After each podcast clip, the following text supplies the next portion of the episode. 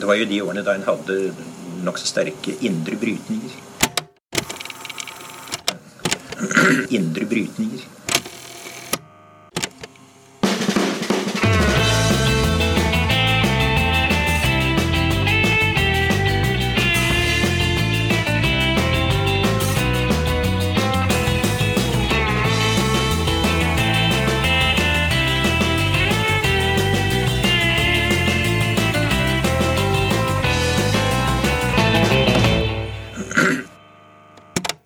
Velkommen til Noen har snakket sammen. Mitt navn er Aksel Fjellavni. Og jeg heter Tiril Rustan Halvorsen. I dag skal det handle om streik. Mer eh, spesifikt en streik som har fått ganske mye global oppmerksomhet, egentlig, som pågår akkurat nå. Eh, det vi snakker om er eh, Tesla-streiken i Sverige. Der det streikes for at det skal være organisert også innenfor Tesla i Sverige. Eh, og vi har fått med oss en som eh, kan mye om denne streiken og om svensk arbeidsliv mer eh, generelt. Det er German Bender som er utredningssjef i Arena, som er ja, søstertankesmien til Agenda i Sverige. German, velkommen til podkasten. Takk. Vi må jo begynne med bare helt sånn det, det overordna bildet her. Kan ikke du forklare oss sånn innledningsvis hvem er det som streiker, og hvorfor er det streik? Ja, eh, det eh, är ett fackförbund som heter IF Metall som är eh, ett av Sveriges största fackförbund, ett arbetarfack som organiserar framförallt arbetare inom industrin. Eh, och i det här fallet så organiserar de också mekaniker på Teslas verkstäder i Sverige. Och det är ungefär 130 personer som är anställda på de här verkstäderna i ja, ungefär tio olika svenska städer. Och eh, vi vet inte exakt hur många medlemmar eh, IF Metall har bland mekanikerna, men jag har hört uppgifter om att det ska vara ungefär 60 procent av, av de anställda som är med i IF Metall. Och de vill ha ett kollektivavtal med Tesla. Eh, och de har försökt förhandla i över fem år med Tesla. Eh, Tesla har funnits i Sverige i ungefär tio år. Och Tesla vill inte ha något kollektivavtal. Tesla har inget kollektivavtal i något land i hela världen. Eh, och Tesla globalt har 120-130 000 anställda i, i, i hela världen. Men i Sverige är det väldigt lite anställda eftersom vi har ingen produktion av Teslor. I, eh, det finns ingen fabrik här. Eh, jag, jag, tror bara att det finns en fabrik i Tyskland i Europa och sen så importerar de Teslor som byggs i, i Kina och USA mm. till mm. europeiska marknaden. Så, att, så det är bara mekaniker det gäller. Um, och efter fem år av, av försök att förhandla med Tesla så ansåg IF Metall att de var tvungna att varsla om strejk för att Tesla skulle gå med på att förhandla om ett kollektivavtal. Så det gjorde de den 27 oktober, det är sex veckor sedan nu. Um, och då gick de ut i strejk, vilket innebar först att de här uh, mekanikerna på verkstäderna uh, slutade arbeta. Och alla har inte slutat arbeta. Alla är inte med i strejken. Det är något vi kan prata om mer också. Men många av mekanikerna har slutat arbeta. Och efter det så har det då skett ett, ett, ett stort antal, eh, eh, ska vi säga, expansioner av den här strejken. Så den har gått in i nya steg sedan den 27 oktober. Först så utökade IF Metall-strejken till andra verkstäder som inte ägs av Tesla, men som arbetar med Tesla-fordon. Mm. De som arbetar på de där verkstäderna, de får fortsätta arbeta med andra bilar, men inte med Tesla. Det kallas att man lägger en blockad. Så det är inte en strejk, utan det är en blockad mot just Tesla-bilar. Så de får inte reparera eller göra service på Tesla-bilar. Så det var nästa steg efter strejken. Och sen har det skett många andra steg efter det. Det har kommit så kallade sympatistrejker eh, från många, eh, ungefär tio svenska fackförbund eh, som som är till för att stödja IF Metall i, i den här konflikten. Och vi kan prata mer om de här sympativarslen sen om, om ni vill. Og, og så, så, blir jo spørsmålet altså Fordi det er jo mange arbeidstakere både i Norge og Sverige som jobber i bedrifter som ikke er organiserte, dessverre, og som er uten tariffavtaler. Eh, og mange som kunne ha streika for det. Så spørsmålet er hvorfor skjer det her, og hvorfor er det normativt sett viktig òg? Mm. Ja, jag har tittat på Tesla i Norge och de har i de uppgifterna jag har hittat så har de ungefär 1500 anställda i Norge. Det är fem gånger, eh, fem gånger fler än Tesla i Sverige. Så Tesla är ungefär fem gånger större i Norge än i Sverige och de har inte tariffavtal i Norge heller. Så man kan fråga sig varför inte ni strejkar. eh, det kanske sprider sig dit, det får vi se. Idag kom det ett strejkvarsel från Danmark. Det första varslet eh, utomlands, utanför Sverige där eh, det danska 3F, som är ett eh, danskt fackförbund, de har sagt att de kommer inte att ta emot Tesla-bilar i danska hamnar. För att det som har hänt i Sverige är att eh, Tesla importerar ju bilar till Sverige eftersom man inte bygger bilar här. Eh, så man importerar bilar via hamnen. Så att det kommer båtar med massa Teslor till Sverige. Och det har blockerats av det svenska transportfacket. Så de lastar inte av Teslor i svenska hamnar längre. Eh, sen början av november någon gång, mitten av november. Och då har Tesla försökt kringgå det där genom att eh, frakta Tesla med bilar med båtar till Danmark och Norge. I alla fall Danmark vet jag. Och lasta av dem där och köra dem på lastbilar till, via mark då, till Sverige. Eh, och och det har pågått nu i en månad så de har fortfarande kunnat importera bilar. Och för att stoppa det så har det danska facket 3F då idag lagt ett sympativarsel till Sverige. Så att de kommer stoppa Tesla-bilar som kommer till Sverige. Men de kommer inte stoppa Tesla-bilar som kommer till Danmark. Så Danmark strejkar inte heller, eh, trots att de också, Tesla är min, mycket mindre i Danmark än vad det är i Norge. Men eh, det, ja, det är svårt att spekulera i det, men jag, jag tänker att om danska och kanske norska fack skulle börja sympatistrejka med sina svenska liksom, kollegor, då är steget väldigt kort, tänker jag, till att man börjar strejka för sina egna medlemmar i Norge och Danmark. Så mm. det är inte omöjligt att vi kan få en sån utveckling också ganska snart. Mm. Mm. Vad, det, vad har reaktionerna från Musk och Tesla varit da? Det har bl.a. vært et søksmål eh, mot den svenske staten, eh, annet, som Tesla også vant. Um, ja, de har inte vunnit den. Nej, nej, det, det, här, det, här, det här är juridik. Då vet, det tar tid. De, de, de fick ett positivt besked i en första instans, men det blev snabbt blockerat. Så att nu eh, har det överklagats och den där rättsprocessen, ja. det är två rättsprocesser, de pågår fortfarande. Mm. Nej, men, eh, och, och de är lite speciella, vi kan jag kan säga någonting om dem sen. Men, men först, reaktionerna från Tesla. Så här, först sa Tesla ingenting. Eh, Tesla i USA har inte sagt någonting överhuvudtaget. Inte nu heller. Eh, men efter ungefär en månad så gjorde Tesla i Sverige ett uttalande. Eh, bara ett skriftligt uttalande i media. Det, det, är i stort sett det enda de har sagt eh, under hela den här konflikten. Mm. Och det ungefär säger de att um, de tycker inte att IF Metall har anledning att strejka för att det är frivilligt att ha kollektivavtal, tariffavtal. Det är inte obligatoriskt.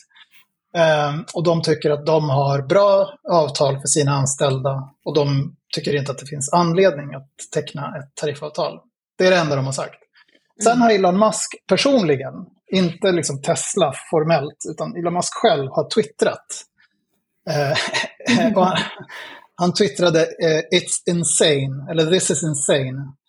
Och det var med anledning av att två svenska fackförbund eh, har blockerat postleveranser till Tesla i Sverige. Och det innebär, det är inte bara brevpost, utan all, alla transporter, alla leveranser, me mekanik och reservdelar och sånt är också blockerat. Det innebär att registreringsskyltar, jag vet inte vad det heter på norska, sådana som man har på bilar. Ja, registreringsskyltar till nya Teslor får inte levereras eh, till Tesla. Så även om de lyckas få bilarna dit, via Danmark då, eller kanske Norge, så kan de inte sätta på registreringsskyltar och då får man inte hämta ut bilen om man har köpt den. Um, och när Elon Musk fick veta det via no någon som twittrade om det, så skrev han “This is insane”. Uh, och så det han säger indirekt, det är ju att svensk lagstiftning är insane. För att allt det här sker enligt lagstiftning. Strejkrätten är till och med skyddad i grundlagen. Så det är väldigt starka rättigheter vi pratar om här. Um, och, och den, just den här frågan om transporten av registreringsskyltarna, den har Tesla då några dagar efter att Elon Musk twittrade, har Tesla startat en rättsprocess för att få, få ut de här registreringsskyltarna ändå. Mm. Och det är, två, det är två rättsprocesser. Den ena gäller eh, Transportstyrelsen som är myndigheten som, som eh, administrativt utfärdar skyltarna. Och sen så är det mot Postnord som är postföretaget som sköter själva transporten av skyltarna. Båda de har Tesla stämt och eh, de processerna pågår och Tesla har inte vunnit dem än. De fick ett positivt besked först mot eh, mot Transportstyrelsen, men det överklagade Transportstyrelsen. Och Postnord har också eh, sagt att de, de har gjort rätt, så att domstolarna håller på att pröva det där fortfarande.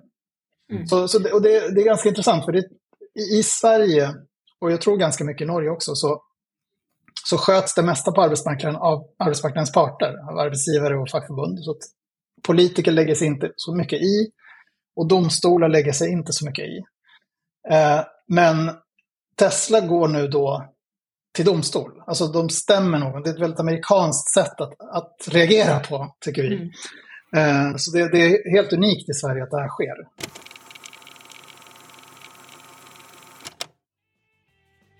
Noen har snakket sammen er i samarbeid med Dagsavisen.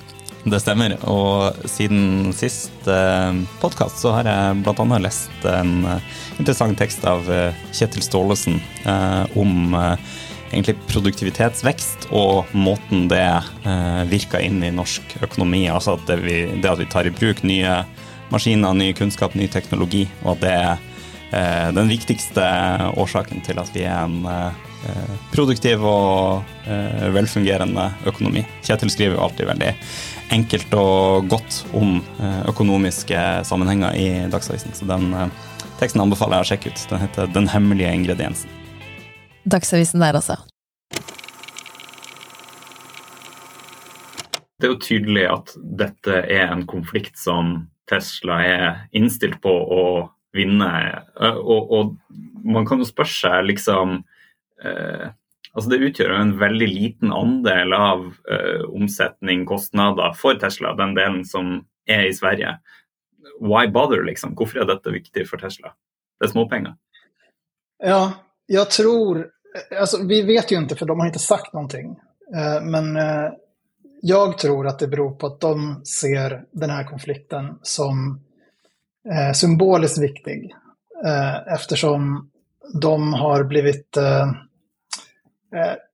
utsatta för fackliga organiseringsförsök både i USA, där de har, jag tror, kanske 70-80 000 anställda, och i Tyskland, där de har 11-12 000 anställda. Så fackförbund, eh, i USA är det United eh, Auto Workers, UAW, som är det stora bilarbetarfacket i USA. Och i Tyskland så är det IG Metall, som är IF, svenska IF Metalls eh, systerfack kan man säga. Så de försöker organisera eh, sina anställda där, eller sina medlemmar där, men det har inte gått för Tesla motarbetar dem väldigt hårt, ibland med olagliga metoder. Och jag tror att det kan vara så att Tesla tänker att om de skulle gå med på ett kollektivavtal i Sverige eh, så skulle det kunna användas som argument i andra länder där de har många fler anställda. För jag, som du säger så det skulle vara en minimal kostnad för dem att gå med på ett kollektivavtal i Sverige. Men det skulle kanske vara en ganska stor kostnad i andra länder. Mm. Och, och, dessutom inte bara kostnad, jag tror också att Elon Musk har, han har ju ett ideologiskt motstånd mot fackförbund. Han tycker inte om fackförbund, punkt. Det, det är inte bara en ekonomisk fråga för honom, det är också en, en slags ja, ideologisk, nästan känslomässig, verkar det som, mm. fråga. Og, det virker jo nesten altså jeg synes, Hvis man ser det i en amerikansk kontekst, så er det jo vanskelig å ikke se det i kontekst av uh, disse konfliktene i, i altså Som uh, UAW har vært i med, med Ford General Motors, hvis jeg ikke husker riktig, at det ses på som liksom Det er en, det er en direkte konkurranse mot GM og Ford, liksom, dette som nå skjer i, i Sverige. Er det Tesla sin måte, eller er det den måten som i større grad Ford og GM gjør det på? Uh, man skal drive videre. Da. Liksom en større sånn konflikt innenfor bilindustrien. Eh, men man kan jo også spørre eh, for altså Europeisk bilindustri er jo i en stor konkurranse mot, altså med den elektrifiseringa av bilparken som nå skjer. Ikke bare mot eh, amerikanske selskaper, men også kinesiske. Eh, risikerer man ikke å tape den altså Nå er jeg litt djevelens advokat her, altså, men, men uh, risikerer man ikke å tape uh, konkurransen mot uh, Xpeng og Nio og Hongqi og alle disse kinesiske selskapene som i hvert fall ikke forholder seg til den nordiske modellen? Den typen av argument er ganske farlige. for det, Indirekt sier man jo da at vi må senke eh, forholdene, mm. forsämra villkoren, lønnene for europeiske arbetare. Eh, för att kunna konkurrera. Och det mm. har aldrig varit den nordiska modellen, utan vi har alltid gjort tvärtom här. Vi har alltid ökat villkoren successivt hela tiden. Och i Norden så har ju det lett till motsatsen. Det har ju lett till ökad konkurrenskraft. Det har ju lett till hög innovationstakt, snabb liksom, teknikutveckling, eh, lättare att ställa om på arbetsmarknaden. När folk blir av med jobben så är de inte rädda att liksom bli av med huset och bli av med sjukförsäkringen och sånt. Utan man, man har ganska bra villkor även när man inte har jobb under en omställningsperiod. Så jag tror att om man skulle börja förändra den nordiska arbetsmarknadsmodellen i grunden eh, så skulle man eh, inte vinna konkurrenskraft. Eh, däremot skulle man försämra villkoren för de anställda på ett sätt som jag tror de flesta här inte skulle stödja. Det, skulle likna en amerikansk modell mer. Där man har liksom möjligen eh, liksom, eh, innovativa företag, men på bekostnad av väldigt dåliga villkor. I Norden så har vi innovativa företag och goda villkor. Det finns ingen anledning att göra ett val mellan det där. Det är tvärtom, det, det hänger ihop tror jag. Mm. Mm. Mm. For, eh, for, Tesla sin del så er det jo som du sier da, tilsynelatende en konflikt om hvilken bilindustri skal vi ha. Men et annet spørsmål er jo i hvilken grad opplever eh, altså Metallarbeiderforbundet og svensk LO det som en, på en måte, noe som rokker ved grunnvollene i den svenske modellen? Altså Er det noe utover hva jeg skal si, hermetegn bare en streik? Er det noe, altså har den en större symbolisk betydning än det? Ja, precis. Det, det, är en symbolisk fråga även för facket här. Eh, I första hand så vill, vill ju IF Metall att deras medlemmar på Tesla ska få bra villkor. Men det är också en större fråga därför att om man skulle acceptera att en etablerad och stor arbetsgivare som Tesla, det är ändå, de har ändå 300 anställda i Sverige och Även om de inte är så stora i Sverige så är det liksom en, en, etablerad aktör på marknaden. Det är inte ett litet familjeföretag vi pratar om här, utan det är liksom en, en väletablerad marknadsaktör. Om man tillåter att ett sådant företag bara vägrar ha kollektivavtal, om fackförbunden skulle acceptera det, vad är det då som säger att andra företag inte skulle agera på samma sätt? Så precis som Tesla är rädd för att få en spridningseffekt till andra länder så är IF Metall oroliga för att få en spridningseffekt till andra företag på den här, i den här branschen, men sen också på arbetsmarknaden i stort. Och det är också därför som de har fått så enormt stöd från hela fackföreningsrörelsen i Sverige. Eh, och även tror jag från, nu kommer det då stöd från Danmark och det är inte omöjligt att vi får se stöd från Norge också. Så det är en symbolisk fråga även för fackföreningsrörelsen. Och det finns också en annan symbolisk aspekt i det här, eh, tror jag. Och det är att Tesla är ett viktigt företag i klimatomställningen. De tillverkar liksom elbilar och laddningsinfrastruktur, eh, batterier och sådant. Och det gör det till en, så att säga, en fråga om, om klimatomställningen. Alltså när jobb försvinner i den fossilbaserade industrin, i den gamla bilindustrin, i den gamla energiindustrin och det skapas nya jobb i en mer grön industri, då är det jätteviktigt att de nya jobben har lika bra villkor som de jobben som försvinner. Annars liksom försämrar vi villkoren för de människorna som måste byta jobb till, till de nya jobben. Och en sån omställning, en sån transition, tror jag personligen skulle vara väldigt farlig. För då, det är då vi får se sådana här saker som de gula västarna på Paris gator. Liksom. När människor känner att politikerna fattar beslut om en klimatomställning som, som drabbar dem, inte som gynnar dem. Det är därför facken brukar använda sig av en paroll som är att gröna jobb måste vara bra jobb. Mm. Eller schyssta jobb. Och det är det man menar med det. Att de här nya jobben de behöver ha bra löner och bra villkor, precis som jobben som försvinner. Och helst bättre.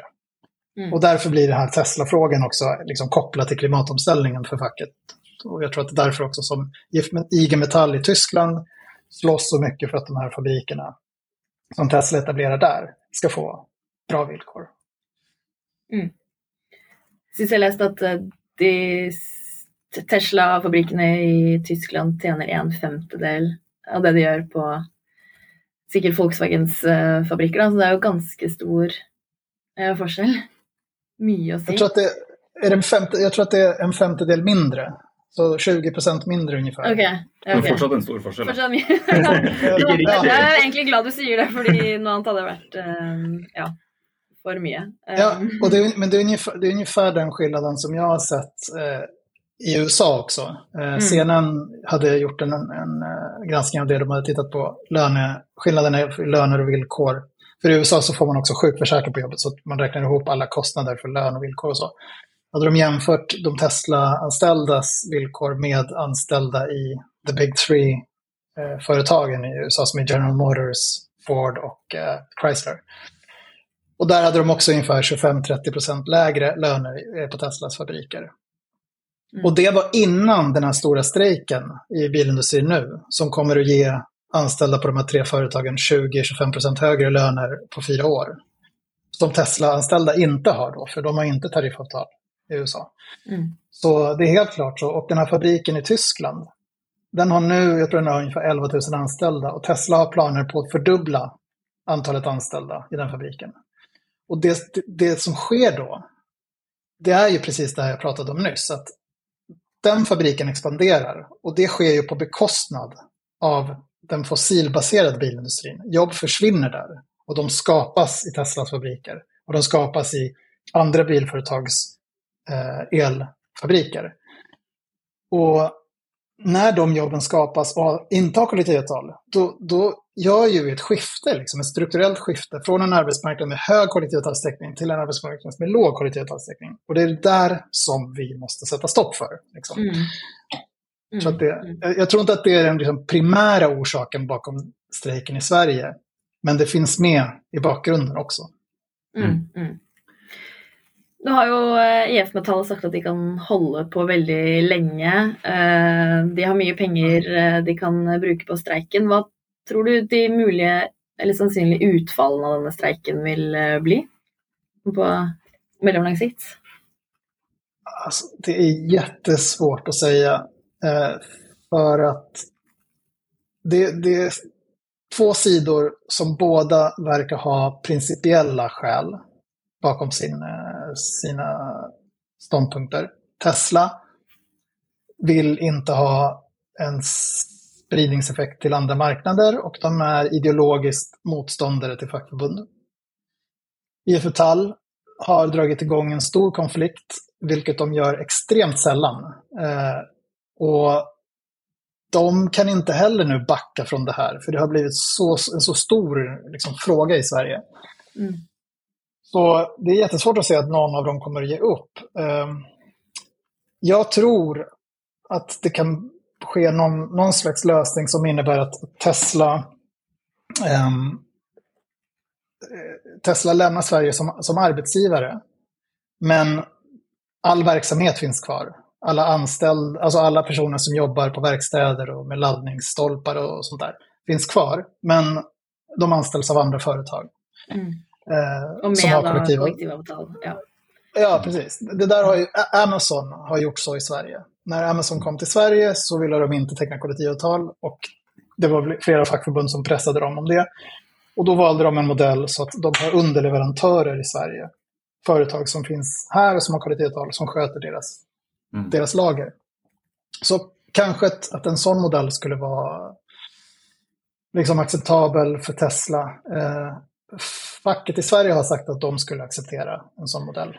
Mm. Og, men det er, jo, det jo interessant, for det er jo en modell man skulle, skulle tenke blir dyrere for Tesla. For da må de betale både lønn og eventuelt overskudd til de selskapene de eh, kjøper inn tjenestene fra, men de slipper å tape ansikt da, eh, internasjonalt.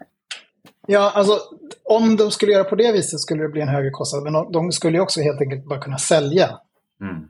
Sina verkstäder. Så att de Mm. inte betalar någon lön till någon. Utan Mm. de bara eh, certifierar Ja, verkstäder nettopp. som får arbeta med det. Det är också en modell. Men jag tror, jag tror att kostnaden, eh, jag tror inte det spelar någon roll för dem. Jag tror att det är en kostnad som de absolut skulle vara beredda att ta. För det skulle vara en ganska liten kostnad. Och det skulle vara värd mer för dem än att behöva betala 25-30% högre löner till 70 000 anställda i USA till exempel. Eh, och den risken vill de nog inte ta.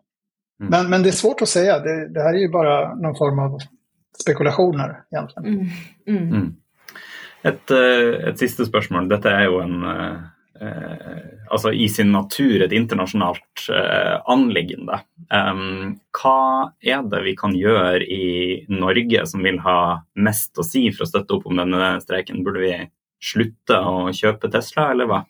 Det är ganska många i Sverige som säger att de har slutat att köpa Tesla. Dels för att de tycker att det, de vill inte stödja Tesla. Det har blivit lite skamligt att köra runt med Tesla. Mm. Eh, Men också för att folk känner sig osäkra. Liksom. Hur länge kommer det gå att reparera bilen? Eh, Kan man räkna med att laddningsstolparna funkar och så? Det har gjorts en enkätundersökning i Sverige med 120 företag som har mycket person, alltså tjänstebilar. Och man har frågat dem hur de ser på det. Och hälften av de här 120 företagen svarar att de, inte, att de har pausat inköp av Tesla. Mm. Eh, så att Ja, det skulle nog spela roll. Men jag tror att en mycket större effekt skulle vara om de norska facken går ut i strejk för sina anställda. Det, som, som jag nämnde i början så har ju Tesla ja, många, många fler anställda i Norge än i Sverige. Och, och ni har inte heller kollektivavtal. Så principiellt så borde ju samma sak gälla i Norge som i Sverige. Mm. Muligheten har vært løftet eh, fra lederne av Det norske fellesforbundet, så vi får se om de faktisk eh, gjør noe. Mm. Det kräver ju att man har stöd från sina medlemmar. Alltså fackförbund kan inte bara själva säga nu strejkar vi om inte medlemmarna vill det. Eh, Så det är ju eh, det är inte så lätt helt enkelt. Men eh, vi får se om det, om det kommer någonting eh, från Norge. I- de, de har ju redan sagt, Förbundet har ju redan sagt att de kan sympatistrejka med, med Sverige, men de har inte gjort det ännu. Intressant problemstilling är det och som, spännande blir det att följa det vidare. Eh, Bender, eh, tusen tack för att du var med i podcasten.